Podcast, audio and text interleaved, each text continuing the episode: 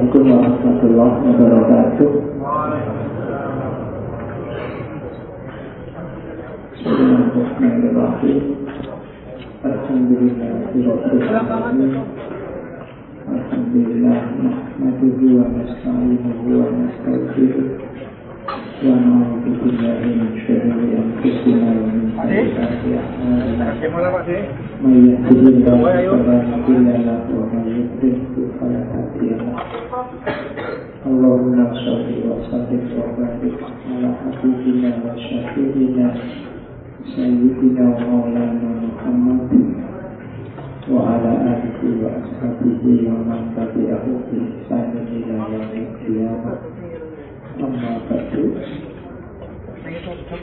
kita lanjutkan master kita.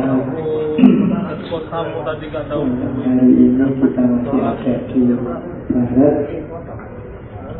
Di tengah hawa yang agak panas biasanya mungkin karena politik ini. Dipakai yang penting saya pesan hari ini di luar banyak peristiwa banyak pamer banyak yang jelek-jelek tanda kutipnya Alhamdulillah kita mungkin dan juga dari golongan yang bisa Cuma hal-hal di sekeliling kita itu selain kita bersyukur juga harus waspada karena nanti musuhnya kita sendiri. Setiap kali ada kejelekan-kejelekan, ada koruptor ditangkap, ada orang saling maki-maki, ada itu biasanya terus ya mereka jelek. Tapi efeknya ke kita, kita merasa bersih. Kita merasa baik. Kita merasa lebih bersih dari mereka. Kita merasa lebih suci dari mereka. Akhirnya jatuhnya sama-sama jeleknya. Mereka jelek karena ya hakikatnya perbuatan mereka jelek. Tapi jeleknya kita ada di kita merasa lebih bersih dari mereka. Wis ndak usah mikir sampai ke sana, pokoknya kita berusaha saja jadi orang baik sejauh yang kita tahu. Itu saja. Karena ini pun ndak mudah. Banyak hal baik kita tahu tapi berat sekali kita jalankan. Oke, itu pesannya. Apalagi hari-hari ini ya. Terus pokoknya doanya jangan berhenti-berhenti. Arinal hakko hakko warsukna tiba'ah wa arinal batila batila warsukna jtinabah. Ah, untuk tidak terjebak banyak di isu-isu di luar kita belajar saja. Oke, karena sejarah itu banyak yang ulang. Banyak peristiwa yang dulu kejadian karena kita tidak belajar terus kejadian lagi. Dan itu berulang-ulang. Berarti kuncinya memang kita harus banyak belajar. Oke, malam hari ini kita ketemu beliau Al-Mukarram Henry Bergson. Ya, ya kan jasanya besar kan dia ngasih banyak wawasan, banyak ilmu pada kita. Karena ilmunya kita hargai. Henry Bergson ini filosof akhir abad 19 awal abad 20 karena dia lahir 1859 meninggalnya 1941 berarti usianya 82 tahun Henry Bergson ini filosof Perancis. Jadi Perancis di era-era itu nanti aliran filsafatnya disebut filsafat kontinental. Perancis, Jerman. Nanti tandingannya Inggris, Amerika itu biasanya dikenal sebagai filsafat analitik. Yang mahasiswa filsafat pasti sudah ngerti kategori-kategori itu. Kalau belum cepat-cepat belajar biar tidak malu. Oke, Henry Bergson ini unik karena beliau ini ya filosof barat era itu harusnya kecenderungannya positivistik. Yang jadi andalannya harusnya rasio, akal. Minggu lalu dipelopori oleh Dekat dan kawan-kawan. Tapi saya angkat ke sini karena Bergson punya epistem, punya cara berpikir yang khas. Jadi ini nanti mirip dengan alat berpikir yang biasanya dipakai dalam tradisi agama-agama atau tradisi-tradisi spiritual. Nanti orang mengenalnya sebagai intuisionisme. Oke, kita lihat ya. Ya hidupnya lurus-lurus saja. Tidak ada yang unik, dia profesor, karyanya banyak, bahkan sempat dapat Nobel. Nobel Sastra tahun 1927. Jadi memang aslinya orang pinter. Istrinya satu. Ya. Anaknya satu. Mungkin di anaknya ini ada sedikit. Putrinya terlahir dalam kondisi tuli, tunarungu. Tapi tidak masalah, bukan hal besar bagi orang sebesar Henry Bergson. Dia ini putranya seorang Yahudi, Yahudi Polandia. Tapi nanti belakangan dia geser ke Kristen di akhir-akhir hidupnya. Tapi yang jelas catatan kita Bergson termasuk orang yang religius. Gagasan-gagasannya agak spiritual. Tapi yo baca bukunya juga agak jelimet. Kita lihat nanti Bergson ini punya banyak penggemar, banyak peminat. Sampai nanti lahir aliran namanya Bergsonisme. Misalnya yang dipopulerkan oleh Gilles Deleuze. Jadi ada aliran khusus namanya Bergsonisme. Makanya kita lihat pelan-pelan malam ini semoga ada yang bisa dibawa pulang. Kalau tidak ada ya diikhlaskan saja. Yang penting wis belajar kan gitu.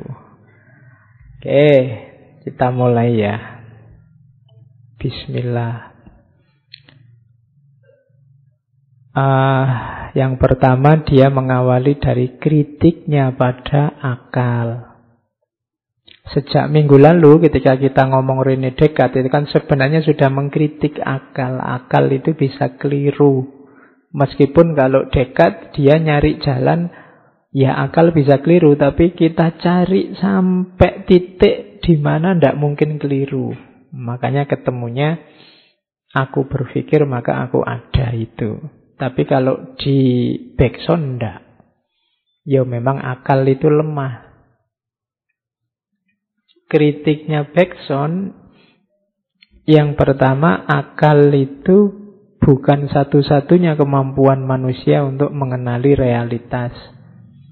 Di banyak kesempatan saya sering ngomong kita itu alatnya banyak, tidak cuma akal, tidak cuma panca indera. Hanya saja pengaruh sain yang positivistik terus kita anggap pengetahuan yang mumpuni pengetahuan yang valid itu yo adanya hanya di akal sama panca indera yang empiris sama rasional. Padahal masih banyak alat-alat kita yang lain. Kita masih punya nurani, kita masih punya naluri, kita masih punya imajinasi, termasuk nanti yang diangkat oleh Bergson, intuisi. Jadi kita punya banyak alat, cuma selama ini tidak banyak kita elaborasi, padahal mungkin penting. Ya contohnya misalnya hubungan sesama manusia. Itu mungkin pasnya pakai nurani. Kalau hanya pakai akal, rasanya jadi kering. Kalau ada temenmu akhir bulan tidak punya uang, duitnya habis, terus utang padamu, itu secara rasional pakai akal. Kalau kamu tidak ngutangi dia, ngutangi tidak enak ya, memberi hutang dia, Nah, pikiranmu ngerus saya ngomong utangi. Kalau kamu tidak memberi utang dia secara rasional itu masuk akal. Wong dia bukan saudaramu, bukan anakmu. Kamu nggak tanggung jawab apa-apa pada dia. Tapi kalau pakai nurani mungkin bunyinya beda. Kalau ada temanmu kehabisan kopi, sementara gelasmu masih penuh, itu kamu diam saja, cuek aja, tidak ada orang nyalain kamu. Memang rasional.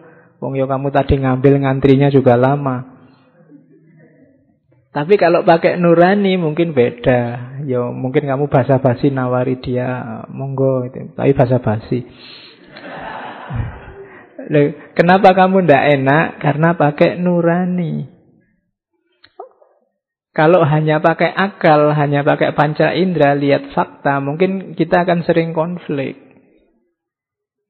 Mungkin Kenapa hari ini banyak konflik? Jangan-jangan relasi kita dengan sesama jarang memanfaatkan alat yang lain, misalnya nurani. Oke, itu kritik antara lain terhadap akal. Karena akal itu ya sifatnya matematis, terbatas. Terus akal itu katanya Beckson fungsi praktis.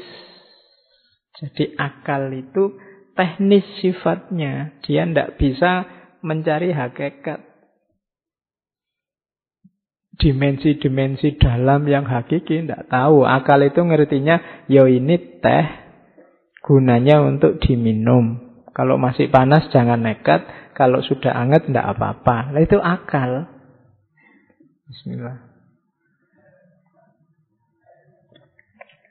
Dia ngertinya itu, tapi Misalnya, mbok lagi dilihat banyak orang, mbok jangan ke susu minum, sungkanlah dikit. Itu akal tidak nyampe ke sana. Gitu loh. Haus ya minum, lapar ya makan. Jomblo ya nyari pasangan, sederhana. Tapi banyak sisi-sisi dalam daripada sekedar itu. Mungkin banyak momen yang kamu lapar tapi ditawari makan tidak mau. Ya mungkin ada kasus-kasus tertentu sebenarnya kamu mau tapi bilangnya ndak. Itu kan ndak rasional. Tapi pertimbangannya ndak sekedar matematis. Nah, di situ akal tidak berdaya. Jadi akal itu tidak bisa menyelami hakikat kenyataan, katanya Beckson. Yang ketiga, akal itu sifatnya butuh data kuantitatif pada lainnya. Butuh ada data yang bisa dia baca. Yang tidak terbaca, akal bingung. Dia butuh jelas. Padahal interaksi kita kan banyak sehari-hari, kadang tidak jelas, faktanya tidak begitu, membunyikannya itu tapi isinya bukan itu, itu kan banyak yang begitu.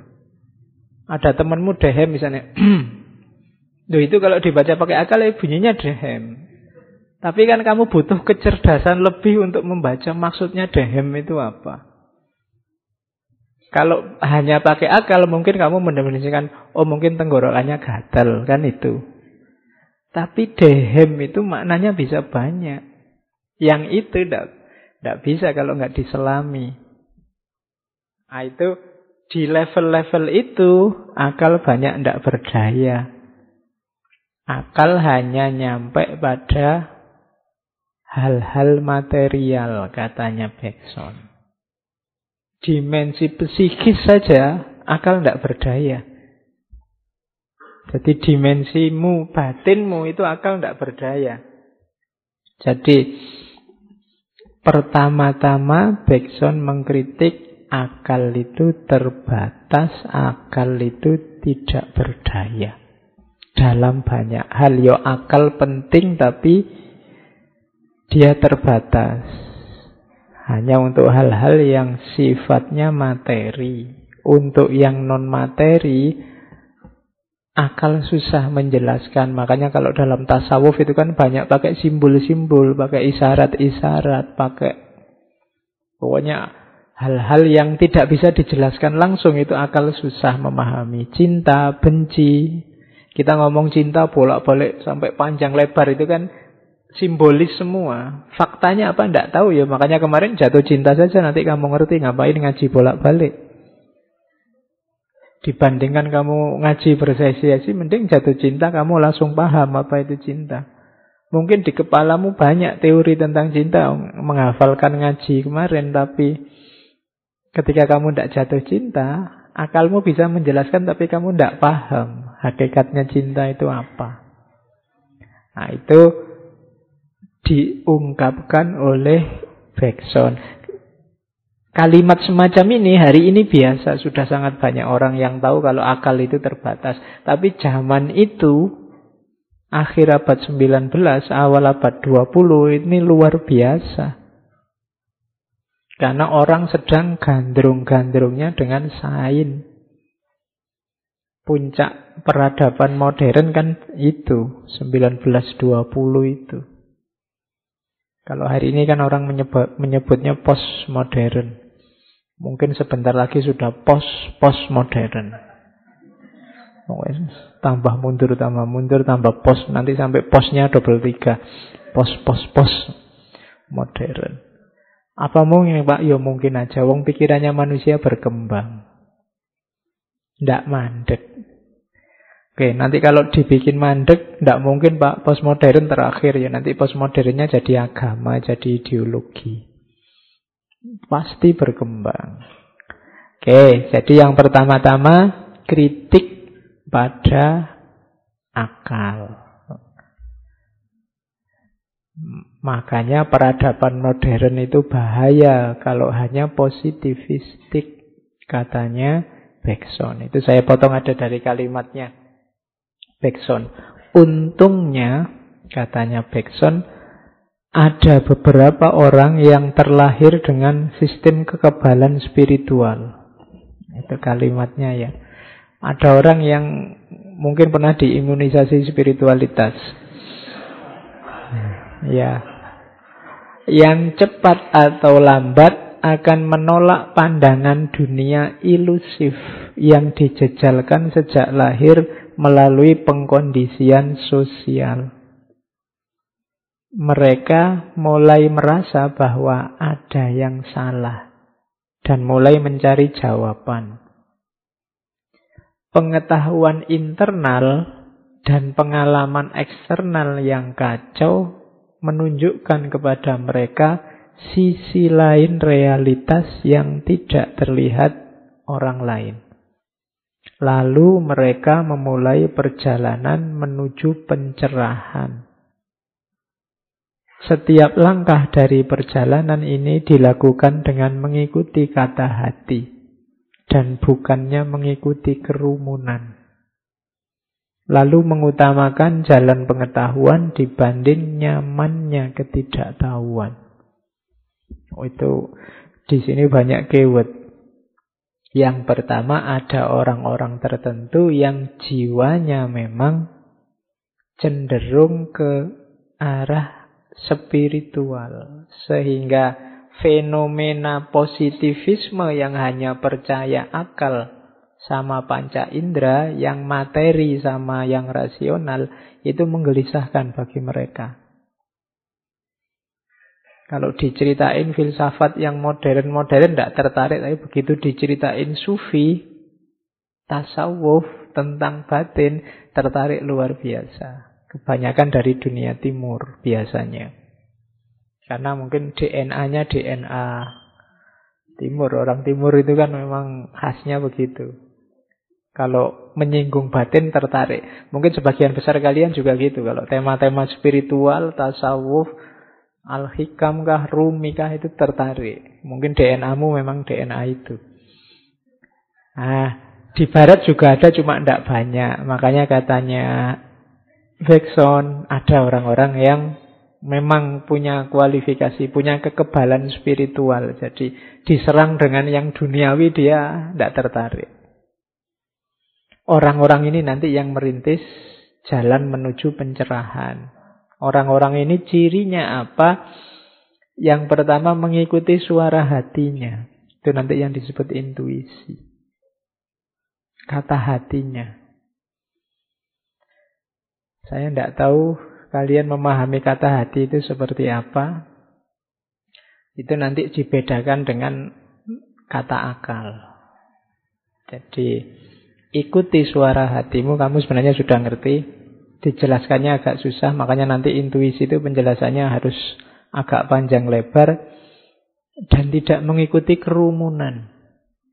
Kerumunan yang mana pun, apakah kerumunan 01 atau kerumunan 02. Jadi punya prinsip, punya pendirian. Entah pendiriannya ada di mana, tapi itu hasil pencariannya sendiri. Jadi bukan mengikuti kerumunan, mengikuti kata hati, mengutamakan pengetahuan, bukan kenyamanan. Karena jalan pengetahuan itu kadang-kadang tidak nyaman. Banyak kebenaran yang mengagetkan, banyak kebenaran yang kita enggan menerimanya karena tidak cocok sama mau kita. Memang jalan pencerahan itu agak menyakitkan. Dulu Buddha itu mengejar pencerahan kan sengsara sekali. Nabi Muhammad juga di Gua Hiro harus uzlah. Meninggalkan keluarga, meninggalkan masyarakat. Jadi memang di antara jalannya untuk pencerahan itu harus menjauh sebentar dari kerumunan. Kenapa orang butuh menjauh? Sering saya bilang karena orang yang ada di dalam sangat terlibat biasanya susah objektif. Bukan berarti tidak bisa objektif, tapi susah objektif karena dia muter di situ, bulat di situ. Tembok itu, kalau wajahmu nempel di tembok, kamu tidak tahu dia warnanya hijau apa putih. Kalau nggak percaya, kamu coba.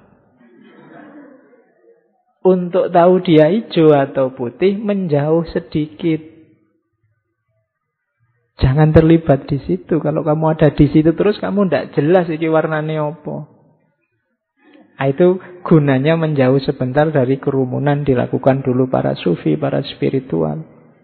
Karena kalau sudah masuk di situ pasti kamu terlibat di situ susah objektif. Jangankan tembok, cantik aja kan taunya harus ada jarak.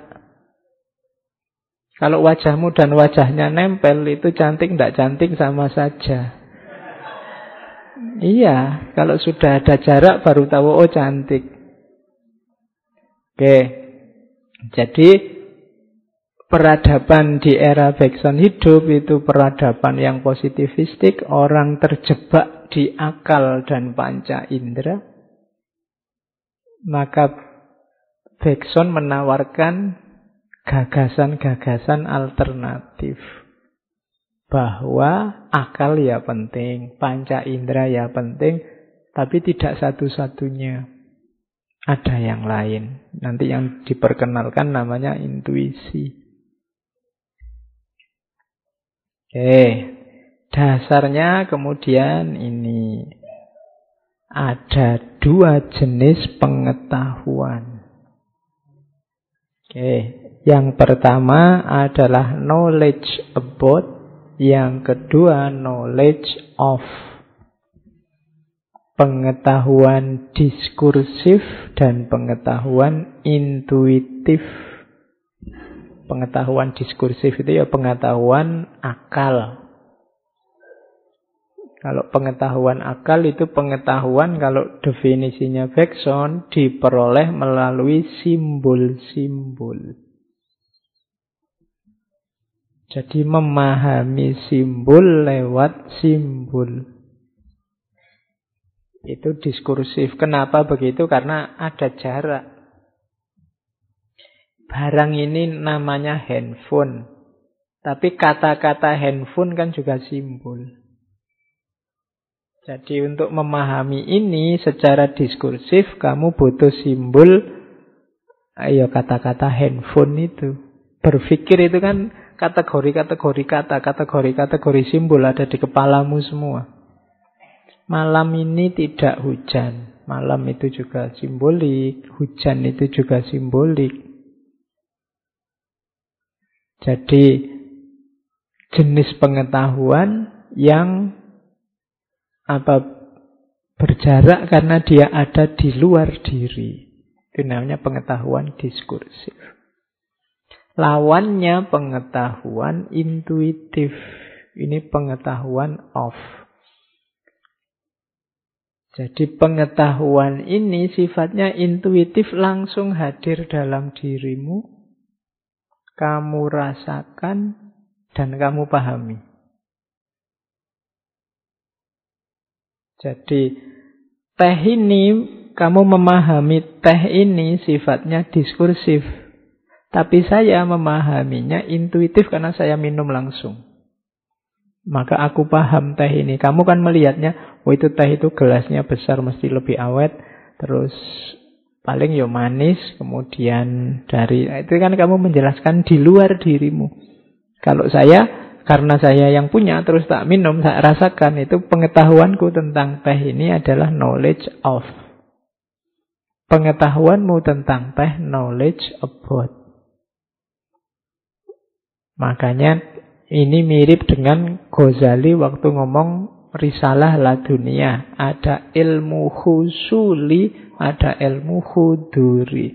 Ilmu huduri itu knowledge of ini, ilmu yang hadir dalam dirimu.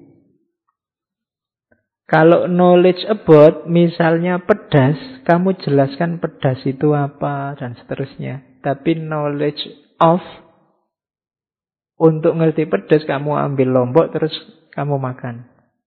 Oh, gini tuh pedas itu.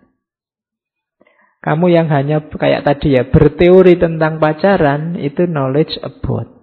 Pengetahuanmu tentang pacaran. Tapi kamu yang sudah punya pacar sendiri, pengetahuanmu tentang pacar itu knowledge of. Jadi ada dua jenis pengetahuan. Yang kedua biasanya dianggap lebih valid.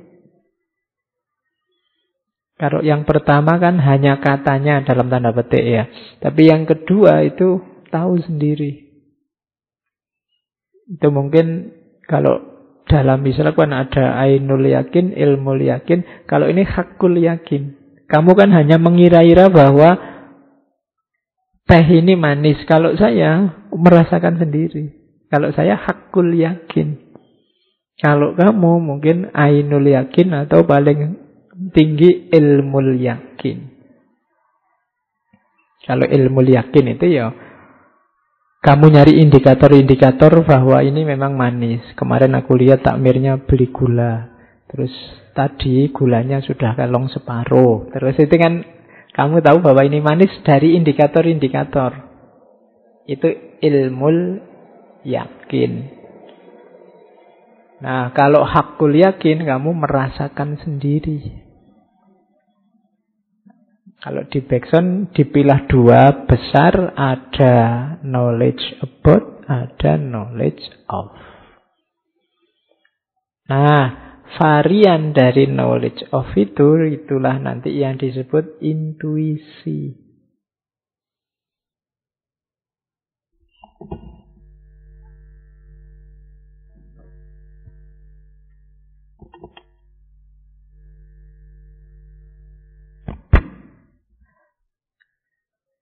Intuisi itu saya tidak baca ya, saya kasih ilustrasi biar kamu mudah memahaminya. Misalnya kamu nanti pulang. Harusnya kalau jam-jam 10 malam ke atas itu sepi. Tapi begitu kamu keluar nyampe lampu merah, kok rame orang. Begitu kamu mau maju, lu kok banyak orang terus. Wah, bahaya ini. Jangan deket-deket ini aku. Informasi bahwa itu bahaya jangan, jangan deket-deket. Ini kan muncul di kepalamu tanpa kamu sengaja. Tiba-tiba muncul itu. Kamu kan nggak mikir, nggak mengalkulasi tiba-tiba, wah bahaya ini. Informasi itu datang, itu coraknya namanya intuitif. Dari intuisi. Jadi intuisi itu pengetahuan yang muncul di kepalamu yang dia lahir tidak secara sengaja. Meskipun itu nanti ada penjelasannya kalau di belakang, tapi pertama-tama dipahami itu dulu. Sama kayak kamu misalnya tiba-tiba perasaanmu ndak enak. Waduh, mau berangkat ngaji, tapi rasanya kok ndak enak ya. Mungkin orang menyebutnya firasat. Firasat itu jenis pengetahuan intuitif. Jadi Intuisi itu pengetahuan yang muncul dalam dirimu tanpa diupayakan tadi oleh akal, oleh panca indera. Meskipun nanti ada hubungannya. Tapi pertama-tama dipahami itu. Dalam dirimu ada kualitas intuisi itu. Kadang-kadang orang mikirnya ke mana, dapatnya apa. Kayak kamu misalnya dompetmu hilang, tadi naruhnya di mana ya dicari-cari tidak ketemu-ketemu. Eh waktu sholat malah ketemu. Wah iya tadi tak taruh di sana. Lo tadi lo akalmu jalan, nalarmu jalan, tadi ada di mana kamu? Tadi habis di sini di situ, habis kamu cari sudah tidak ketemu. Tapi begitu kamu sholat tiba-tiba muncul data bahwa ah iya tadi tak taruh di sana. Semoga tidak hilang kan gitu. Ah, itu pengetahuan intuitif namanya. Jadi dia muncul tidak dalam rangka serius kamu pikir terus muncul, tapi tiba-tiba saja muncul dia. Itu namanya pengetahuan intuitif. Kalau bahasanya Beckson ini kayak insting, tapi sifatnya sadar. Kalau insting itu kan tidak disadari. Kalau intuisi itu kamu sadari. Kalau insting itu kan misalnya kamu yang laki-laki tiba-tiba suka sama perempuan itu kan insting sifatnya. Kamu tidak pernah belajar bahwa saya laki-laki berarti saya harus suka perempuan. Tapi otomatis saja itu insting. Hewan juga punya insting. Di level insting kita sama hewan sama. Nah, kalau intuisi itu kayak insting gini tapi disadari. Beda sama hewan. Kalau hewan kan tidak disadari. Jadi intuisi itu insting yang menjadi sadar. Jadi dia muncul terus kamu sadari, oh iya ya. Berarti di sini ada bahaya ini, aku harus minggir ini.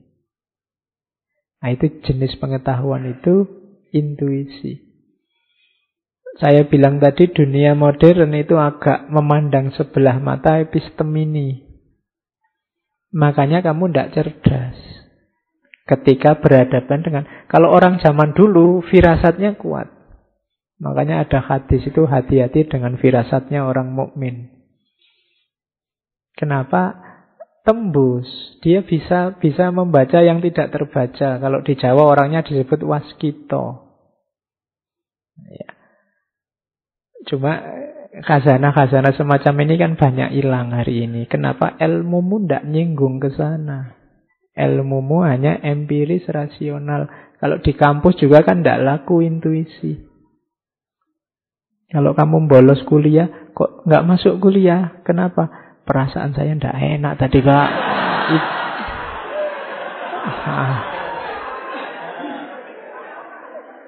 Itu kan tidak laku, dosenmu nggak terima kamu alasannya itu.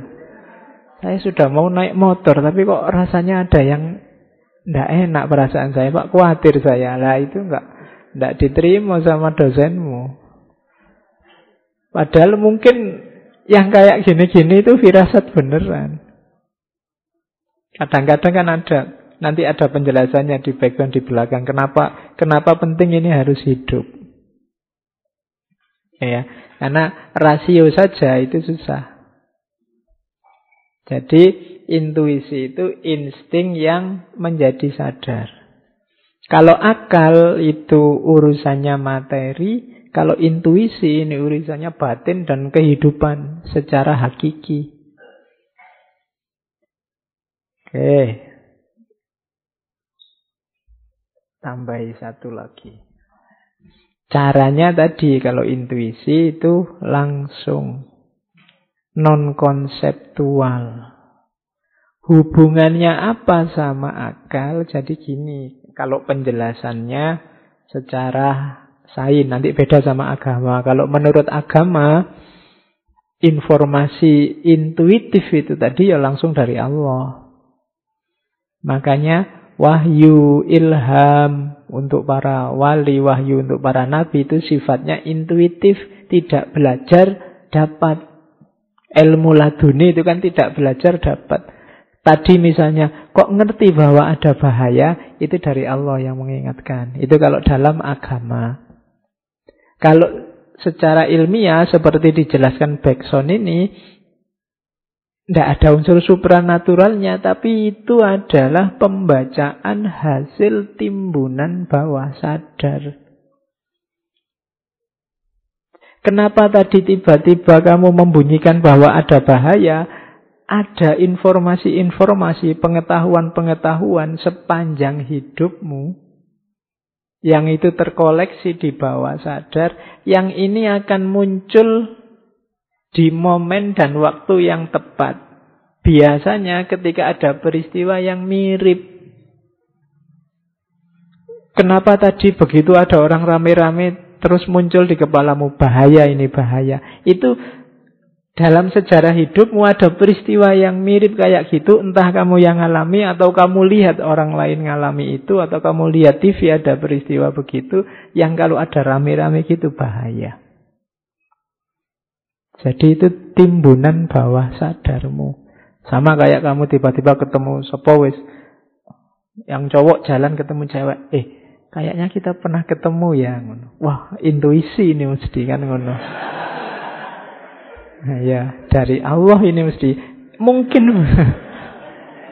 Mungkin begitu, tapi kalau ditelusuri kalau versi ini mungkin ada informasi-informasi, pengetahuan-pengetahuan lama di bawah timbunan sadarmu tentang perempuan semacam itu, wajahnya mirip itu dan atau entah apanya yang mirip sehingga kamu merasa pernah melihat.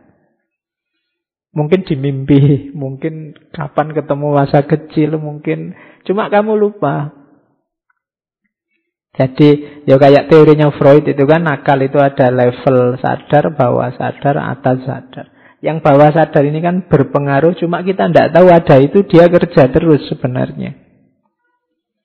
Nah, lahirnya kalau di versi Beckson ini pengetahuan intuitif itu munculnya dari koleksi-koleksi bawah sadar. Makanya nanti ada teori tentang ingatan. Itu yang harus kita cermati. Jadi dalam diri kita ada ternyata intuisi. Itulah yang mungkin kalau dilanjutkan kayak teorinya Sartre itu kan orang itu sebenarnya hanya nyari yang cocok dengan pandangannya. Kenapa? Timbunan di bawah sadarmu sudah banyak. Mungkin tidak pernah dengerin ngaji semacam ini, begitu dengar, iya ya, kok saya cocok sama ngaji ini. Itu sifatnya intuitif. Kemungkinan ada timbunan bawah sadar yang kamu sukai yang semacam ini dulunya. Yang sekarang kamu tidak nemu-nemu ketemunya ini. Sementara yang lain suka yang lain. Itu makanya selera musik misalnya. Kamu kan heran. Pak saya itu pinginnya musik rock kok Pak. Tapi kok yo nyamannya sama dangdut terus ya Pak misalnya. Oh itu mungkin ada pengalaman-pengalamanmu sebelumnya, timbunan-timbunan sebelumnya yang kamu tidak sadar. Mungkin zaman dulu di kampung kamu masih kecil ibumu atau tetanggamu yang diputar dangdut terus mau tidak mau ada memori tentang dangdut di kepalamu. Kalau ditanya musiknya apa jazz, blues, tapi begitu ada dangdut kamu tidak sadar goyang. Ya, itu sifatnya intuitif. Ah, jadi alat ini yang di zaman modern tidak laku padahal penting di barat ya. Kalau di timur kan ini hidup terus. Di tradisi-tradisi spiritual, tradisi agama-agama timur ini hidup.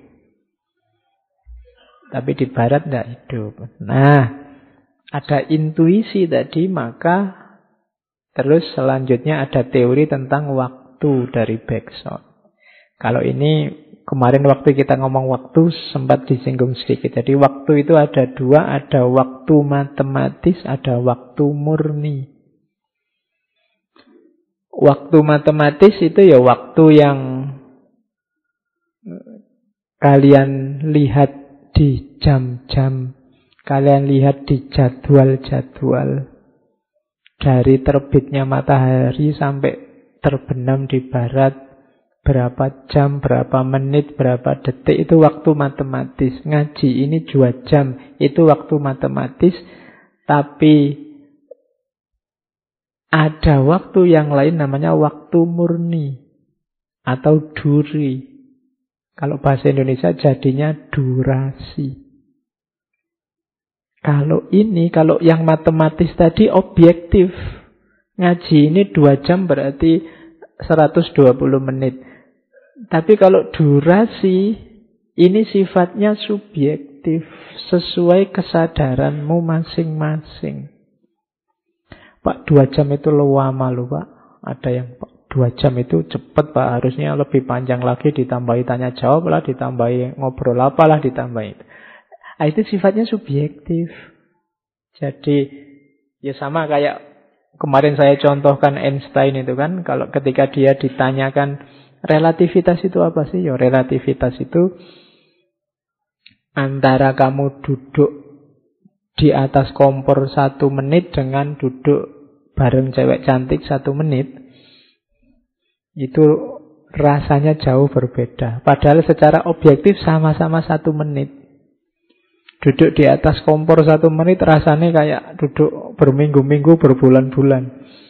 Tapi duduk sama pacarmu satu menit itu rasanya kayak satu detik, pinginnya sak jam. Bila perlu nginep. Oke. Okay. Lah iya kan. Jadi itu durasi. Kamu baru apel Berangkatnya jam 8, jam 10 sudah diusir sama Pak Kos kan. Waduh, baru ketemu sebentar ya kita kan gitu. Jadi itu namanya durasi. Waktu di level dalam, di level kesadaran. Jadi waktu itu kalau bahasanya Bergson malah itulah waktu yang real. Waktu yang nyata. Jadi sifatnya subjektif hanya bagi kita. Kita memahami dunia itu ya lewat durasi ini. Kesadaran kita itu kesadaran durasi hidup kita ini. Misalnya kalian memahami ngaji ini yang dua jam, itu kan hadir dalam dirimu kan sesuai durasimu masing-masing. Jadi maka katanya Bekson ya yang real itu waktu itu ya yang duri ini, yang durasi ini. Dan ini nanti berhubungan dengan kebebasan. Nantinya begitu. Oke. Nah, usually when we speak of time, we think of the measurement of duration and not of duration itself. Jadi kalau kita ngomong waktu biasanya ya ukuran waktu yang kita omongkan bukan durasi itu sendiri. Durasi ini yang dibuang oleh sign. But this duration with sign eliminate. And we see so difficult to conceive and express. Jadi kita ngomong waktu itu selalu waktu yang objektif. Padahal hakikatnya waktu itu ya yang subjektif itu lama atau tidak, sebentar atau tidak. Kita hidup itu kan dengan kesadaran waktu yang subjektif ini. Kamu kuliah tidak lulus-lulus sampai semester 14. Itu kan itu kan durasi namanya. Tapi kan ada yang anak tertentu tidak apa 14 itu sudah tepat waktu Pak, tidak apa-apa. Waktunya kan memang jatahnya 14. Itu kan penghayatanmu masing-masing. Ada yang stres, ada yang biasa-biasa saja. Itulah durasi hubungannya waktu dengan kesadaran. Sholat kok lama sekali. Loh itu lama atau cepat itu durasi urusan penghayatan. Saya pak sholat saya cepat, tapi kan penghayatan saya ini sudah lama pak. Misalnya. Iya, itu penghayatan atas waktu ini sifatnya eksistensial. Jadi berkenaan dengan penghayatan hidup kita. Jadi tadi ternyata sisi batin kita lebih kompleks, ada intuisi. Sekarang membaca dunia juga ternyata subjektif ada durasi. Nah, durasi itulah nanti kuncinya kebebasan. Kita lihat penjelasannya bagaimana. Jika kita mengakui durasi sebagai hakikat kesadaran, kita juga punya kunci untuk mencapai kebebasan. Kebebasan itu apa sih? Kebebasan itu kan kesadaran untuk bergerak, berkembang terus-menerus, dinamis, kreatif, versi kita. Versi kita itu yang mana? Ya sesuai kesadaran kita tadi. Jadi durasi, kalau kita bergerak dengan dasar durasi tadi menunjukkan kita bebas. Kita melakukan sesuatu sesuai penghayatan kita, kan itu. Kenapa kok tidak berdasarkan waktu yang matematis tadi, Pak? Kalau katanya Bergson, di waktu yang matematis tadi, kehidupan ya matematis, mekanis. Tapi durasi ini subjektif. Berarti apa? Penghayatan individual. Kalau kita ikut yang mekanis, berarti kita tidak bebas. Ikutnya yang subjektif, yang durasi tadi menunjukkan bahwa oh kita itu bebas, sesuai penghayatan kita. Kita berkembang, kita bertindak, kita bekerja sesuai penghayatan hidup kita, tidak diatur dari luar. Makanya durasi tadi ada hubungannya dengan kebebasan. Jadi hubungan antara waktu dan kebebasan. Oke, jadi spontan, tidak mekanis. Exercise of free will is possible by tuning into our internal qualitative experience and acting from there. Bebas itu berarti dari dalam, tidak dari luar. Jadi tidak ada orang kok diperintah untuk bebas. Karena kebebasan itu dari dalam. Silahkan bebas saja Misalnya itu kan tidak bisa orang oh, diperintah bebas itu dari saya sendiri. Saya mau bebas apa enggak suka-suka aku kan gitu. Kalau diperintah itu berarti tidak bebas. Gitu. Oke, nah jadi tadi ada waktu, sekarang hidup itu berarti dihayati secara individual, bebas dengan bekal intuisi. Cara kerjanya gimana? Isinya tadi ingatan dan materi. Ingatan tepatnya dan persepsi. Hidup ini dialog antara persepsi dan memori, ingatan. Saya tahu bahwa ini teh karena dalam diriku masih ada memori tentang barang semacam ini yang namanya teh. Sehingga waktu aku mempersepsi sesuatu semacam ini, langsung saya simpulkan, oh ini teh bisa diminum biasanya manis. Itu dari dalam. Jadi hidup kita yang tadi kalau kita mau bebas dengan bekal intuisi, modenya gimana? Ingatan dan materi atau ingatan dan persepsi. Kita ya, saya tadi bilang ada hubungannya dengan panca indera ya, ada hubungannya dengan akal ya, tapi cara kerjanya subjektif sehingga nyambungnya dengan intuisi. Penghayatan hidup yang individual. Bekalnya apa? Pengetahuan-pengetahuan sebelumnya. Itulah memori. Kemudian nyambungnya sama persepsi. Jadi begitu tadi saya lihat minuman ini, teh ini, ini dalam diri ini kerja. Ingatan bekerja, persepsi bekerja, intuisi juga bekerja. Jadi ingatan itu saya lihat ini diinformasikan bahwa oh yang kayak gini kemarin-kemarin itu namanya teh. Bisa diminum rasanya manis. Dari mana kesimpulan ini muncul? Karena tadi saya sudah lihat barangnya, dulu juga sudah lihat barangnya. Sekarang lihat ini, keluarlah informasi itu. Cuma ini tidak ada gunanya kalau tidak saya hayati secara personal. Hubungannya apa sama diriku sekarang? Barang ini. Oh ini disuguhkan padaku untuk diminum. Nah, ini penghayatan.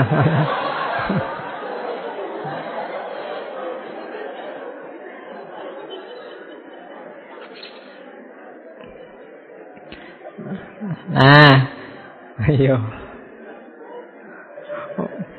Kayak itu contoh ingatan dan persepsi yang agak berjarak. Jadi yang lahir mikir ke mana, dia mikir ke mana. Terus, jadi ada ingatan, ada persepsi, terus dukungan penghayatan individual lewat durasi dengan alatnya namanya intuisi. Seperti inilah hidup kita.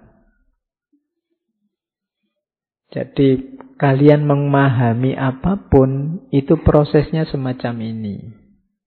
Diawali dari persepsi. Terus dipahami melalui memori. Kemudian dihayati secara individual lewat jalan intuisi.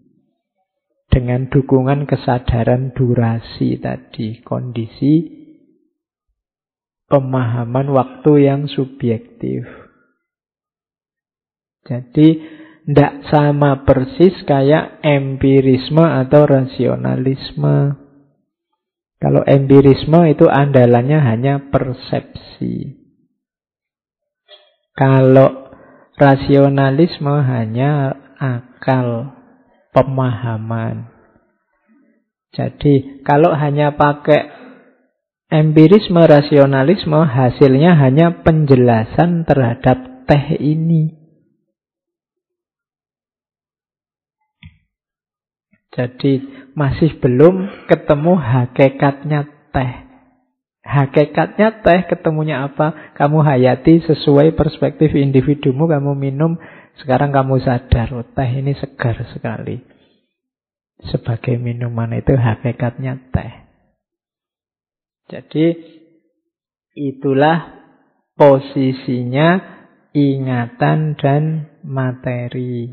Ingatan juga nanti ada dua ada ingatan mekanis, ada ingatan murni. Ingatan mekanis itu hafalan itu ingatan mekanis sebenarnya.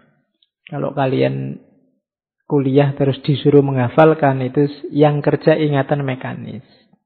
Bisa mengulang tapi tanpa kesadaran. Di situ ilustrasinya kayak burung beo itu kan ingatan mekanis. Beberapa hewan juga punya ingatan mekanis. Kayak hewan sirkus itu yang dimainkan ingatan mekanis. Jadi kalau kalian kok ada ya gajah bisa dilatih gitu, jangan-jangan gajah punya akal misalnya kan gitu. Enggak, itu yang main ingatan mekanis. Lumba-lumba bisa ngitung loh, lima kali lima dia bisa itu. Itu ingatan mekanis, diulang-ulang terus sehingga dia hafal. Jadi itu jenis ingatan pertama. Ya kita butuh ini kalau kita tidak refleks tadi insting itu kan ingatan mekanis. Kalau rangsangannya tepat, ya dia akan keluar begitu. Cuma Ini minus kesadaran. Jadi ingatan mekanis itu sifatnya otomatis. Bangun tidur, sikat gigi, terus wudhu, terus sholat. Ini kalau tanpa kesadaran ini mekanis. Ingatan mekanis itu yang mendorong terus kita jadi kayak mesin. Hidup secara mekanis.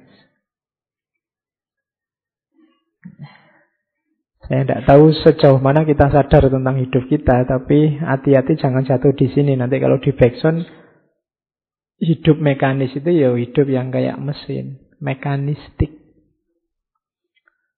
Bisa ditebak, mesti begitu terus. Kalau disenggol mesti begitu, kalau diajak guyon mesti begitu, kalau dimarahi mesti begitu, itu mekanis namanya. Jadi tubuhmu meresponnya secara apalan. Jadi tidak ada kesadaran di situ. Pokoknya ngaji ya duduk paling depan biar dapat minum dulu terus kalau minumnya habis itu terus menunggu sampai bersesi-sesi itu namanya mekanis tidak berubah-berubah. Itu apalan. Kalau ditanya ngapain, tidak ngerti alasan, ya biasanya gitu aja Pak. Jadi semakin banyak aktivitasmu kalau ditanya biasanya begitu, itu semakin menunjukkan kamu mekanis. Rambutmu kok gondrong terus? Ya Pak, biasanya gitu, merasa nyaman begini. Ya. Berarti mekanis. Tanpa kesadaran. Yang ada kesadaran namanya ingatan murni.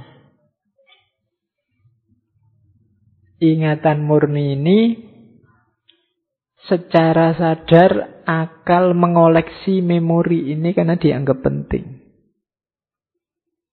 Biasanya terus masuk bawah sadar, keluarnya juga dikontrol. Itu namanya ingatan murni.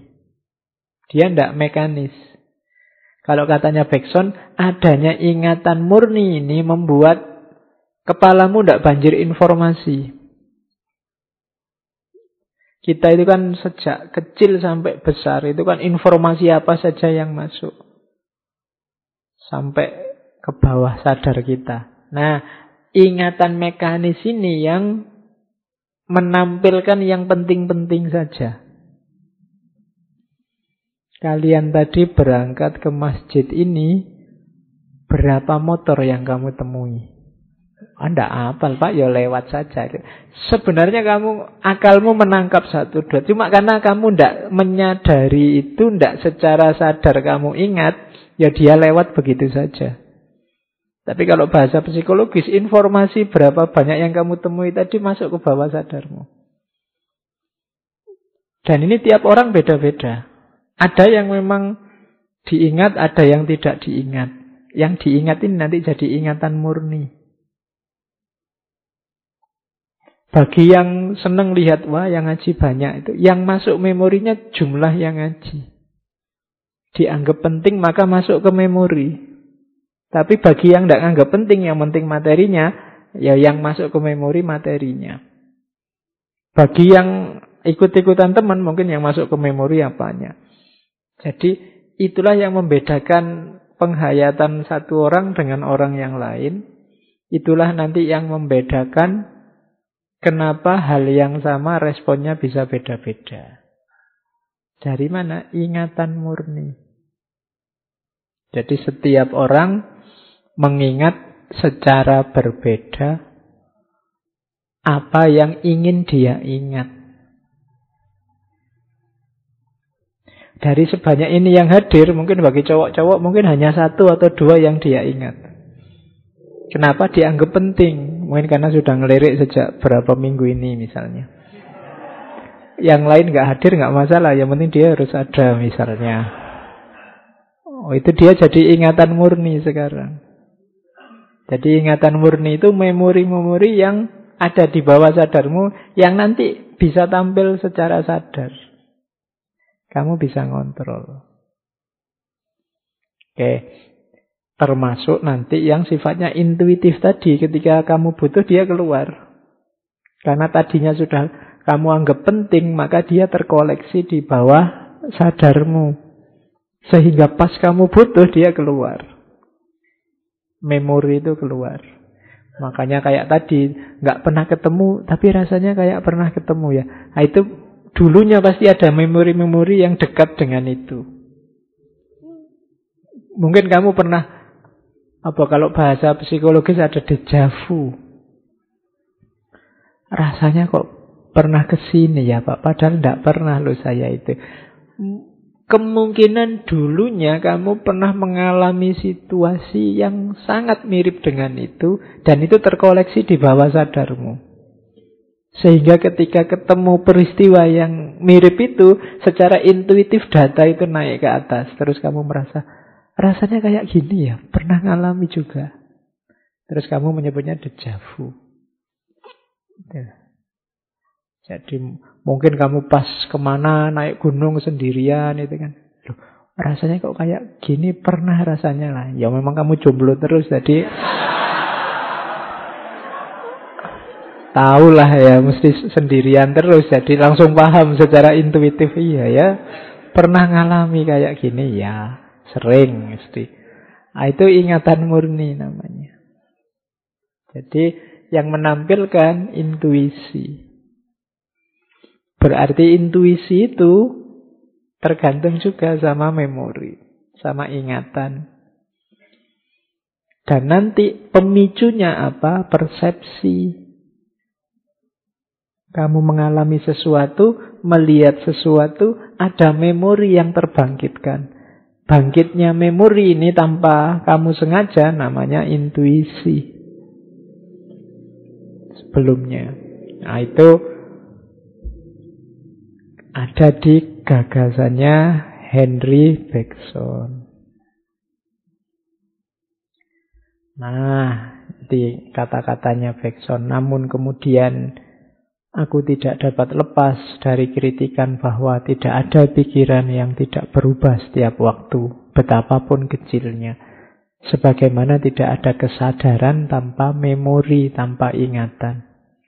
Dan tidak ada keberlanjutan di masa kini tanpa bekal memori masa lalu. Jadi semua masa lalu, masa kini, masa depan itu ngumpul jadi satu dalam dirimu, itulah namanya durasi. Ketika dia tampil, dia butuh pemicu persepsi, kemudian dibantu oleh memori, dihayati secara intuitif. Dari situ pengetahuan lahir.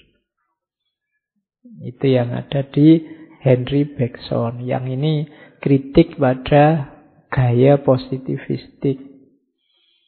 Ada yang bilang Henry Bergson ini ini kok kayak anti intelektualisme. Kalau jawabannya Bergson ya bukan anti intelektual tapi melengkapi gagasan-gagasan sebelumnya tentang intelek dan pengetahuan. Karena teori-teori sebelumnya itu kurang lengkap. Oke. Terus. Nah, intuisi tadi pada akhirnya merupakan alat untuk menjangkau yang hakiki, hakikat. An abs, an absolute can only be given in an intuition, while all the rest has to do with analysis. Yang absolut-absolut, yang hakiki hanya bisa diberi, ditangkap lewat intuisi. Sementara semua yang lain itu pakai akal bisa, dia butuh analisis. Apa sih intuisi itu? We call intuition here the sympathy by which one transported into the interior of an object. Jadi intuisi itu orang menghayati. Menghayati itu apa sih? Memasukkan barang yang dibaca ke dalam diri. Jadi atau bahasa lainnya mengalami bukan membaca. Dari situ lahir pengetahuan intuitif. Makanya disebut pengetahuan langsung. Jadi intuisi itu datanya langsung muncul dalam dirimu karena kamu ngalami sendiri. Tanpa harus kamu cari keluar. Gitu. Jadi trans, ada transportasi, ada simpati yang memindahkan sesuatu yang kamu baca ke dalam dirimu. Di situ nanti disebut intuisi. Oke, itu babak pertama gagasannya Bergson di aspek epistemologi. Sekarang kita lihat kelanjutannya babak kedua. Ngomong tentang di bukunya yang judulnya Evolusi Kreatif, Creative Evolution. Jadi Bergson ini terpengaruh oleh gagasan-gagasannya Darwin. Cuma dia tidak ikut begitu saja. Dia punya banyak kritikan pada Darwinian. Jadi yang pertama dia mengkritik secara umum peradaban barat yang mekanistik dan fina. Ada gagasan sebaliknya. Biasanya di timur itu finalistik. Jadi mekanisme dan finalisme dia kritik. Mekanisme itu hidup yang kayak mesin atau gagasan-gagasan yang membaca alam ini kayak mesin. Kalau kayak mesin kan selalu begitu. Termasuk evolusinya Darwin. Evolusinya Darwin itu kan nanti dari ini terus survive jadi ini, terus survive lagi jadi ini. Itu kan kayak mesin. Mekanistik. Apa ya mesti begitu? Ya memang makhluk hidup itu evolutif, tapi tidak seeksak itu. Tidak serapi itu perkembangannya. Jadi perkembangannya itu kompleks. Jadi manusia itu berkembang secara kompleks. Jadi dia mengkritik Darwin. Darwin itu kan meramalkan bahwa makhluk itu berkembang yang kuat bertahan, yang tidak kuat tersingkir kan begitu. Dari situ terus berevolusi, berevolusi. Nah, kalau versinya Bergson tidak sesederhana itu, evolusi itu kompleks. Evolusi itu bisa A, bisa B, bisa C, bisa D. Misalnya kan yang sering diilustrasikan itu kan jerapah karena makanannya tinggi-tinggi Terus akhirnya lehernya jadi tinggi kan itu. Jadi anaknya tinggi. Loh itu sebenarnya ya kalau untuk kasus jerapah ya begitu. Tapi nanti kalau untuk manusia tidak bisa begitu. Kan bisa misalnya karena makanannya sudah tinggi akhirnya jerapahnya ganti menu tidak mau lagi makanan yang itu misalnya kan bisa. Kan ada cerita misalnya kambing itu di wilayah tertentu ada yang sampai makan kertas segala karena rumputnya habis. Gitu Jadi evolusi itu tidak bisa diramalkan seeksak itu. Jadi itu kritiknya tidak mekanistik, tapi dia juga mengkritik finalisme. Finalisme itu ya apa ada puncaknya, ada finalnya manusia itu bla bla bla bla puncaknya semacam ini. Itu dia juga tidak setuju. Lagi-lagi sama tidak sesederhana itu. Jadi hidup ini kompleks tidak bisa kamu ramal kepastian-kepastiannya. Apalagi yang hubungannya sama manusia. Baik mekanisme maupun finalisme itu tidak bisa menjelaskan proses evolusi yang sejati. Yang hilang apa? Aspek kreatifnya. Evolusi itu kan melahirkan sesuatu yang baru. Lahirnya sesuatu yang baru ini kreatif sifatnya. Bisa macam-macam. Yang di teorinya Darwin dan kawan-kawan belum kelihatan. Masih kelihatan mekanis. Nah itu kritiknya pada mekanisme. Nah, kita lihat sekarang apa itu evolusi kreatif. Jadi evolusi ya, manusia juga berkembang, berubah. Cuma evolusi itu perkembangan yang kreatif meliputi segala hal, ya kesadarannya, ya kehidupannya, ya kenyataannya. Kemudian sangat kompleks. Jadi tidak sesederhana yang digambarkan oleh Darwin. Jadi misalnya manusia itu kompleks.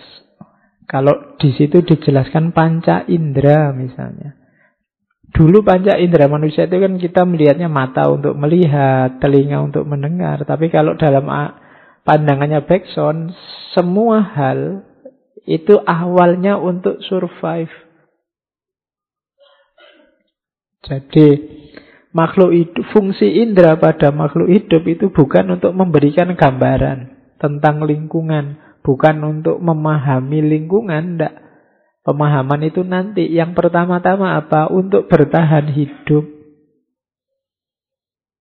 Jadi apa pun yang kita miliki itu sebenarnya untuk bertahan hidup. Jadi tidak untuk Oh, kalau mata ini hanya untuk mendengar enggak?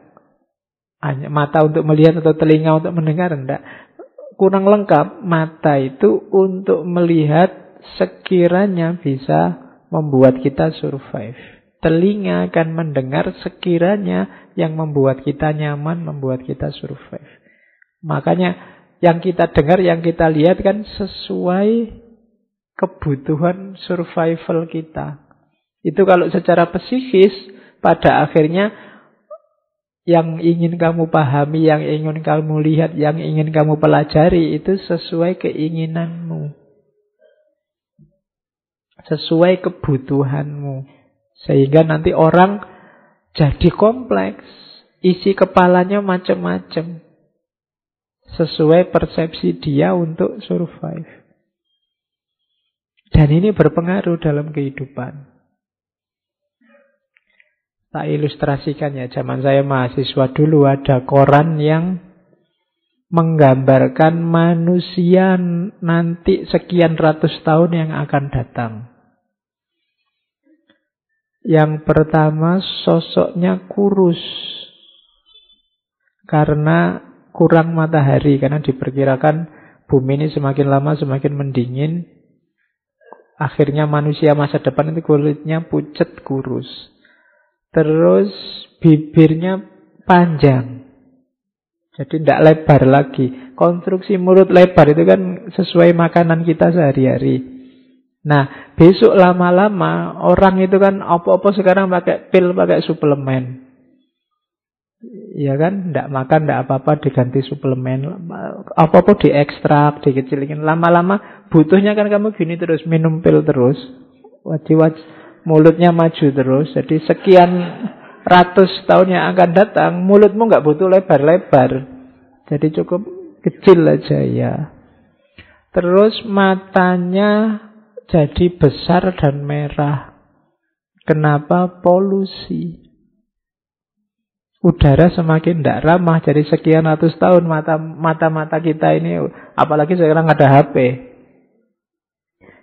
Jadi tidak sehat terus dan ini nanti mengubah struktur badan kita jadi matanya jadi merah terus rambutnya gundul karena lagi-lagi polusi tangannya jadi panjang Jari-jarinya lekat karena ndak banyak aktivitas lagi. Paling kayak alien itu akhirnya cuma butuh laptop, butuh apa-apa kan butuh itu. Jadi jarinya tinggal dua apa tiga gitu aja, ndak butuh lima. Jadi lama-lama begitu. Kenapa? Ya adaptasi-adaptasi untuk kehidupan. Jangan dikira kan kita misalnya khawatir bensin nanti langka. Ya pada akhirnya manusia akan menyesuaikan diri dengan habisnya sumber daya itu. Dan itu yang terjadi terus-menerus. Itu yang orang ingin apa, alam semesta materi menyediakan apa, ini selalu terjadi dialektika. Dari situlah nanti muncul evolusi kreatif.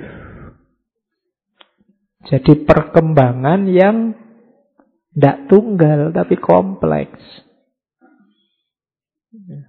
Jadi yang dari manusia yang mulutnya lebar jadi mulutnya sempit maju.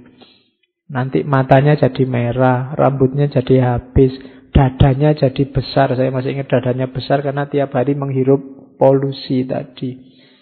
Wajahnya agak pucat, Jadi persis alien akhirnya kita. Sekarang kita anggap alien, tapi mungkin besok kita inovasi ke sana. Ya jangan kan gitu. Postur manusia hari ini kalau dibandingkan kalau ada nenek moyangmu dari tahun sekian abad yang lalu hidup lagi, mungkin ya kaget manusia hari ini kok jadi kayak gini semua.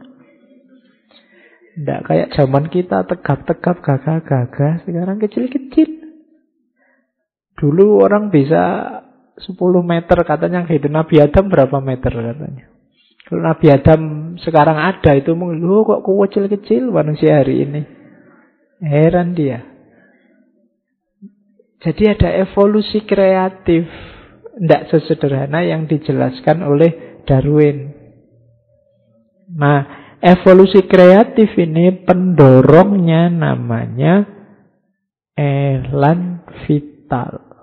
Elan ya, bukan alat.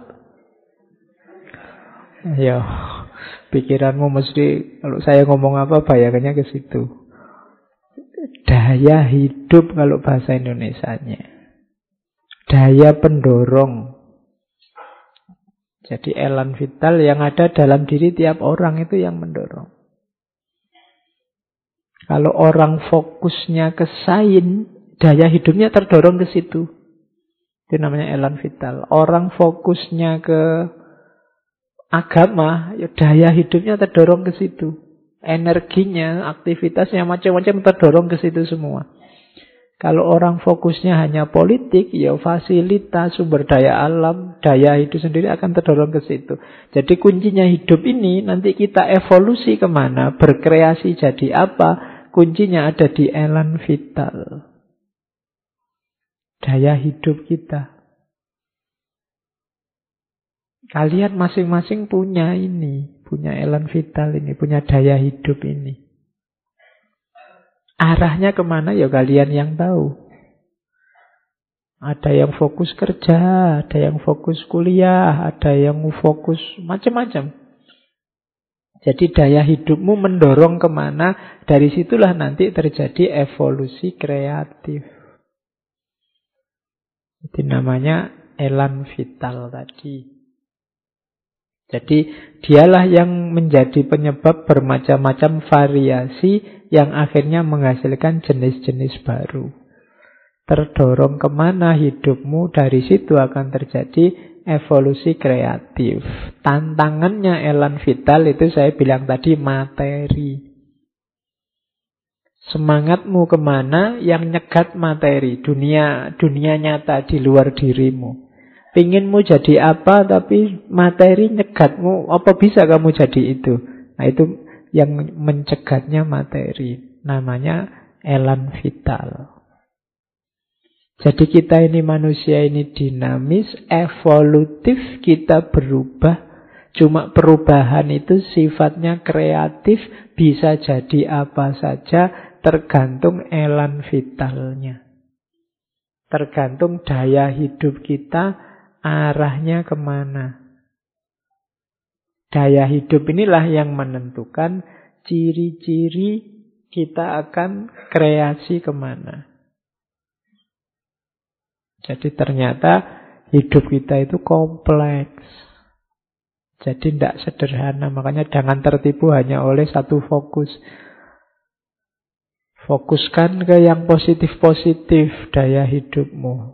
Karena akan membawamu ke ranah yang positif. Nah, terus. Implikasinya, semoga masih kuat ya. Pokoknya tak gempur materinya backsound. Sekali-sekali berfilsafat beneran. Nah, implikasi teorinya tadi tentang pengetahuan tentang apa knowledge about, knowledge of dan macam-macam termasuk intuisi tadi secara sosial ada berpengaruh namanya moral tertutup dan moral terbuka. Masyarakat tertutup dan masyarakat terbuka. Kalau masyarakat tertutup itu masyarakat yang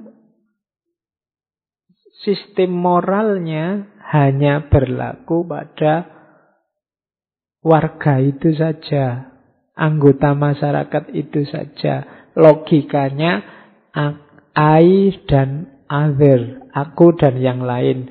Kalau aku dan kawan-kawan ini teman, yang lain ya musuh berarti. Aturan moralnya untuk kita, yang lain tidak masuk. Itu namanya masyarakat tertutup. Ada masyarakat lawannya namanya masyarakat terbuka.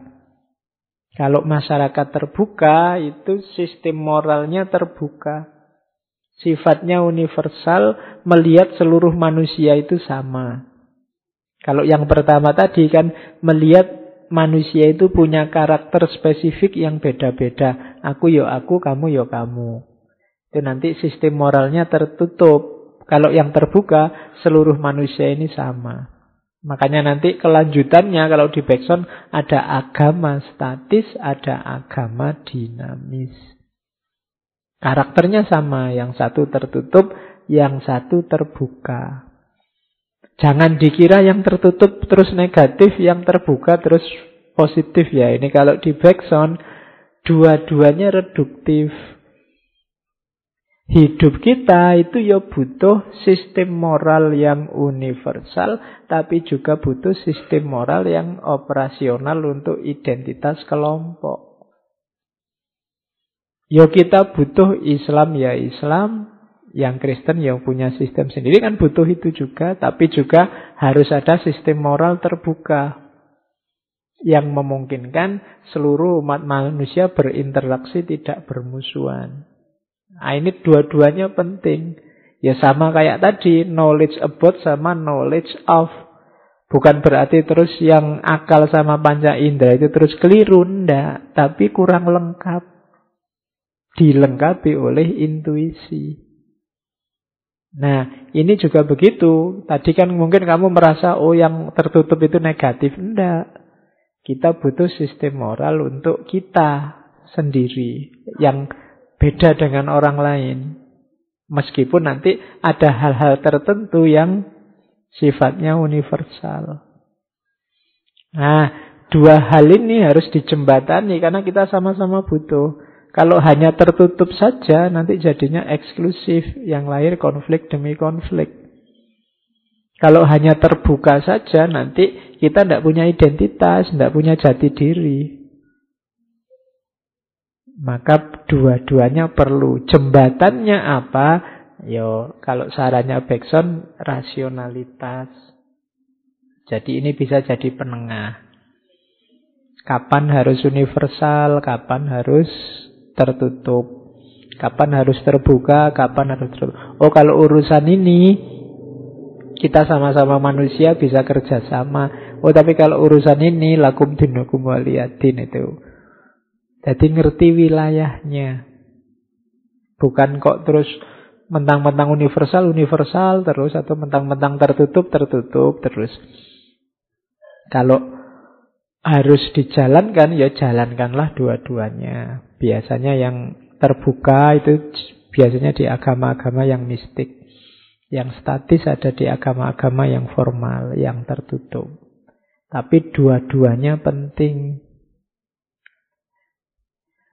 Terus, nah, daya intuitif tadi penting untuk melahirkan kreasi. Makanya nanti ada teori emosi normal sama emosi kreatif. Kalau emosi normal itu representasi terus perasaan. Kebalikannya, kalau emosi kreatif perasaan terus representasi. Emosi normal itu diputus pacar terus sedih nangis-nangis. Emosi kreatif itu nangis-nangis karena diputus pacar terus bikin puisi. Ya, itu namanya emosi kreatif. Alatnya apa? Ya intuisi. Jadi olahlah emosimu biar kreatif. Kalau hanya berhenti di normal, Ayo ndak kreatif. Jatuh cinta itu energimu besar. Manfaatkan energi itu secara kreatif. Kalau hanya dipakai yang-yangan, eman-eman. pakai juga untuk secara intuitif bisa melahirkan puisi, bisa melahirkan buku, bisa melahirkan itu. Itu namanya emosi kreatif.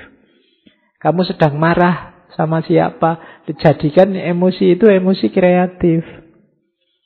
Karena saya marah, saya akan belajar tentang filsafat marah. Nah, itu kreatif namanya. Kalau berhenti di marah saja itu namanya normal representasi dulu baru emosi. Tidak ada kelanjutannya. Jadikan ya emosi yang ada dalam dirimu itu melahirkan daya-daya kreatif. Melahirkan sesuatu yang baru yang mengubah hidupmu. Ini hubungannya sama tadi loh. Evolusi kreatif tadi loh. Kita ini harus berkembang terus. Jangan mandek ke arah yang lebih baik. Ke arah yang lebih baik terus. Nah, itu di situlah kita butuh emosi yang kreatif. Alatnya intuisi tadi. Kok intuisi Pak? Karena intuisi yang bisa melahirkan gagasan alternatif.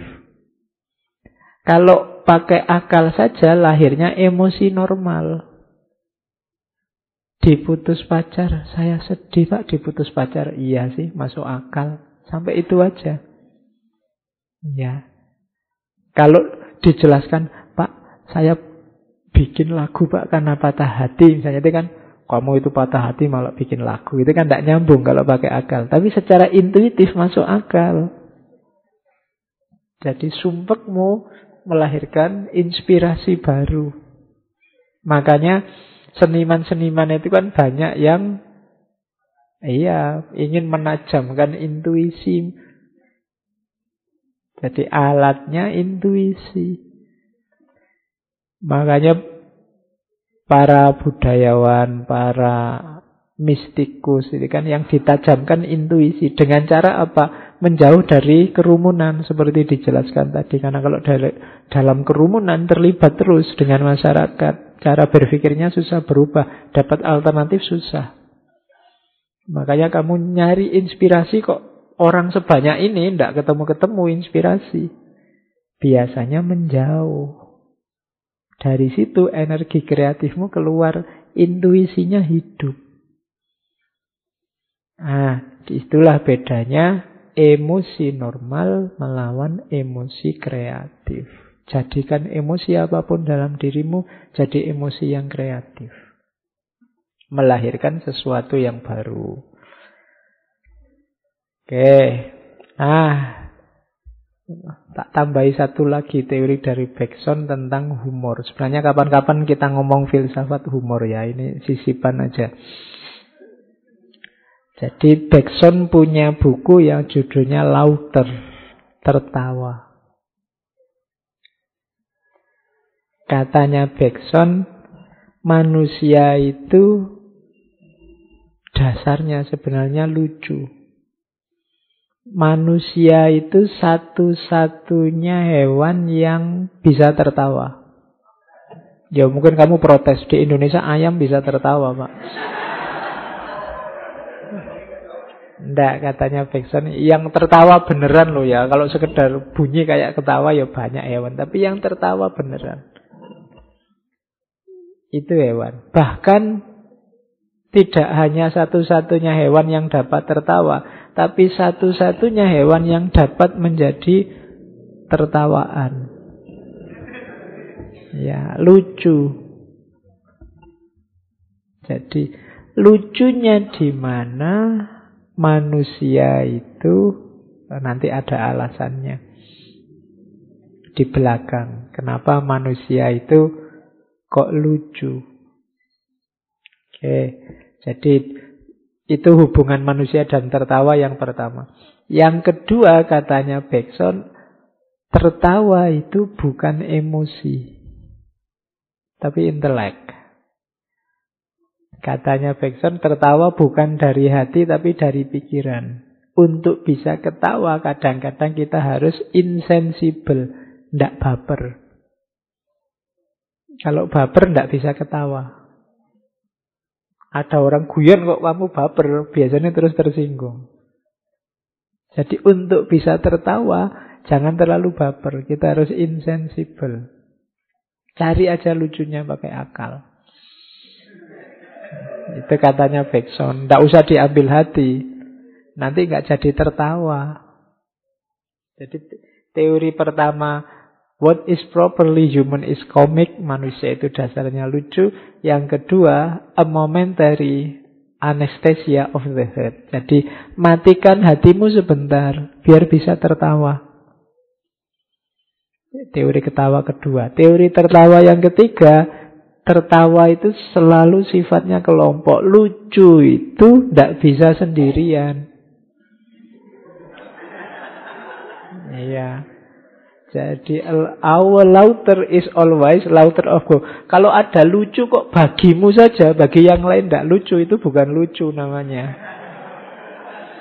Ketawa itu biasanya ya bareng-bareng.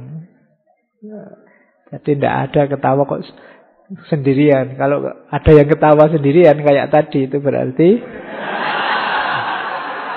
ya ter tertawa itu selalu sifatnya dalam kelompok. Jadi dia bukan emosi, dia bukan komik. Jadi terus, nah yang lucu itu di mana sih? Lucu itu terjadi ketika vitalisme diganti mekanisme. Manusia itu harusnya vital, kreatif, berubah intuitif kayak tadi, tapi terus banyak orang yang hidupnya mekanis. Ini lucu. Something mechanical encrusted on the living. Sesuatu yang mekanis, yang membungkus sesuatu yang hidup. Hidup ini dinamis, tapi kalau kamu kaku, mekanis, itu lucu. Dan bahan paling gampang nyari kelucuan itu manusia yang mekanis tadi. Manusia yang kayak mesin. Jadi, kelucuan itu lahir ketika vitalisme digantikan mekanisme. Maka terus banyak pelawak pelawak itu fungsinya apa? Mengingatkan orang agar jangan mekanis. Jadi mengingatkan orang agar fleksibel, hidup jangan kaku-kaku. Itu fungsinya pelawak. Membuatmu rileks, tidak kaku, terus energi kreatifnya keluar. Biasanya mereka menyentil yang hidup, yang mekanis tadi. Nah ini teori humor dari Bergson. Ya, dia carilah bukunya judulnya Lauter. Kapan-kapan ya, kemarin sudah ada filsafat harapan, filsafat takut, yang humor yang belum. Oke, tapi apa ya enak ya humor di filsafati. Humor itu kan ya enak ya wis pokoknya dagel gitu aja kan senang. Tapi kalau dibahas nanti kamu Sumpek lagi susah pak dipahami, tidak jadi ketawa tadi stres. Tapi beberapa filosof memang membahas ini filsafat humor. Ya contohnya Bergson ini. Oke, kita lihat ya. Ada banyak quote bagus karena dia tokoh besar juga. Yang pertama, ingatlah to exist is to change. To Change is to measure. To measure is to go on creating oneself endlessly. Kalau kamu ingin eksis, berubahlah. Untuk bisa berubah, matanglah. Untuk bisa matang, ciptakan dirimu terus-menerus. Berarti apa? Perbarui dirimu Jangan mandek. Itu namanya kamu mateng. Mandek merasa sudah, itu kamu bunuh diri. Kalau kamu merasa sudah, berarti kamu selesai. Tidak eksis lagi. Jadi ciptakan terus-menerus dirimu. Jangan berhenti, jangan puas dengan kondisimu saat ini. Sebagus apa pun kondisimu sekarang. Jadi create yourself endlessly. Ciptakan terus. Mungkin tiap kali kamu bangun bayangkan ada sosok baru yang lahir. Yang tidak kayak kemarin. Jontah perubahannya di mana, tapi berubahlah terus, matanglah dengan cara menciptakan dirimu terus-menerus. Kuncimu untuk eksis di situ. Kalau tidak, kamu akan jatuh dalam kerumunan. Dan kerumunan itu tidak dihitung. Kamu tidak eksis sebagai dirimu. Ini nasihatnya Bergson. Think like a man of action, act like man of thought. Bertindaklah seperti orang cerdas. Eh, berpikirlah seperti man of action, seorang yang jagoan, pemberani, dan bertindaklah seperti orang yang cerdas. Man of thought. Berarti apa? Beranilah berpikir, tidak usah takut. Tapi kalau bertindak, hati-hatilah penuh pertimbangan seperti seorang pemikir, seorang filosof. Jangan dibalik. Kalau bertindak, tidak dipikir dulu, waktunya Ya kan, sak PDW kalau bertindak, waktunya berpikir penakut. Berpikir ini takut saya, berpikir itu takut saya, berpikir semacam itu ndak. Wong pikiran itu ndak ada efeknya. Pikiran itu satu-satunya kebebasan yang hakiki itu kan berpikir. Ndak bisa orang dihalangi saat berpikir. Jadi think like a man of action, act like a man of thought. Tapi begitu mau kamu wujudkan pikiran itu dalam kata-kata atau dalam perbuatan, hati-hati pertimbangkan dulu. Jangan ngawur. Tapi proses berpikirnya jangan takut-takut. Baca sebanyak mungkin, nyari referensi sebanyak mungkin, diskusi, bahaslah sedalam mungkin, tidak apa-apa. Like man of action. Berpikirlah sedalam mungkin, tapi begitu mau kamu wujudkan dalam tindakan, hati-hati. Apakah itu omongan, apakah itu tulisan, apakah itu perbuatan, hati-hati. Act like a man of thought. Bertindaklah seperti seorang pemikir, berpikirlah seperti seorang jagoan. Jangan dibalik. Oke, itu nasihat dari backsound yang kedua. Kalau tadi berubahlah terus, kalau ini berpikirlah yang berani dan bertindaklah yang hati-hati. Kalau ini tentang masa depan. Katanya Bekson, gagasan tentang masa depan itu penuh dengan kemungkinan yang tak terbatas. Sehingga justru lebih berguna dibandingkan masa depan itu sendiri. Itulah mengapa kita merasa lebih mempesona harapan dibandingkan kepemilikan. Mimpi dibandingkan kenyataan. Oh ini katanya Bekson, berpikirlah tentang masa depan, bercita-citalah, bermimpilah. Nanti kamu akan sadar bahwa harapanmu, cita-citamu, mimpimu itu lebih indah. Bahkan dari masa depan itu sendiri.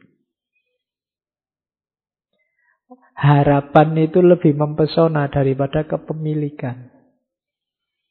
Kalau kemarin kamu ngincer-ngincer mimpi-mimpi supaya dapat dia itu harapan. Itu rasanya lebih indah katanya Bekson ya. Dibandingkan sudah dapat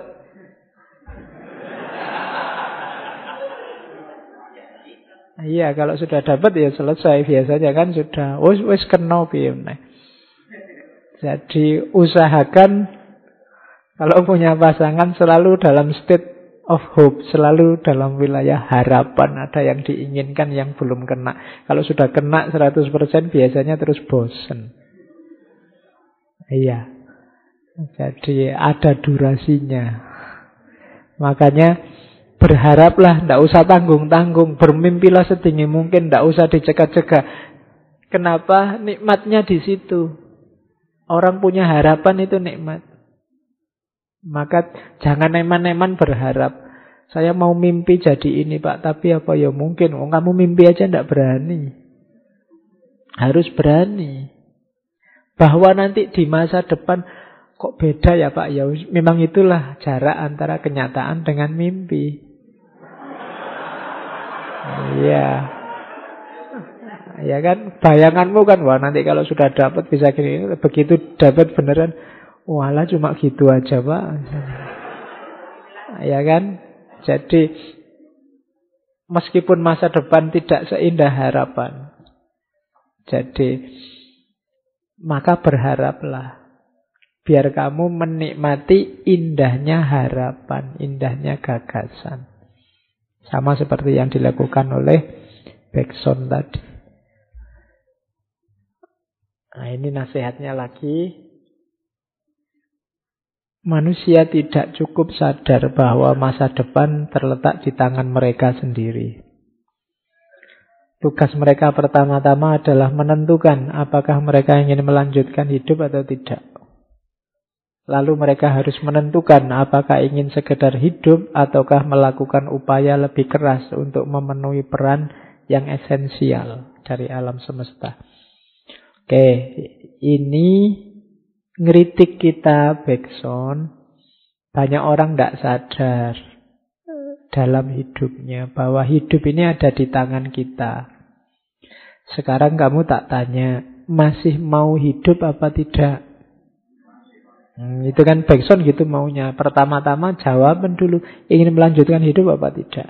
Kalau ingin melanjutkan hidup, kamu ingin sekedar hidup apa hidup yang bermakna?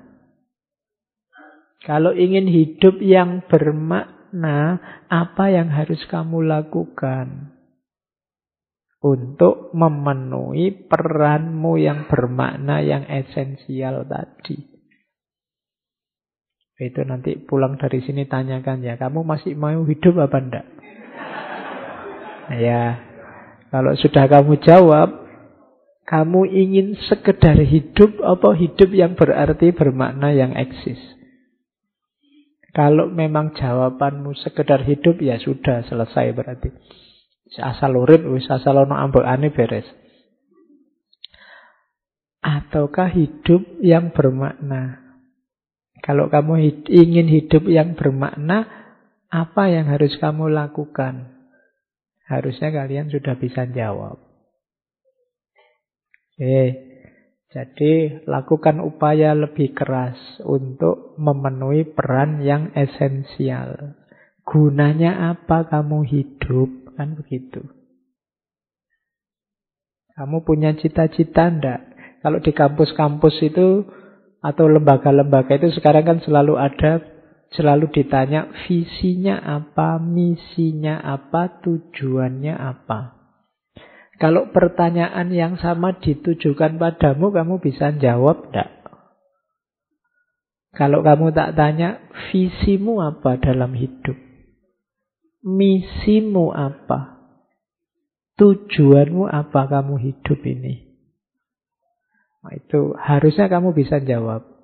Kalau tidak bisa, ngapain kamu hidup? Kan gitu. Itu namanya muhasabah. Untuk apa kamu hidup ini? Allah kan tidak pernah iseng. Kamu lahir itu tidak dari ketidaksengajaan loh. iya. Iya, serius kamu ada itu, berharga kamu itu. Makanya ayo sekarang muhasabah.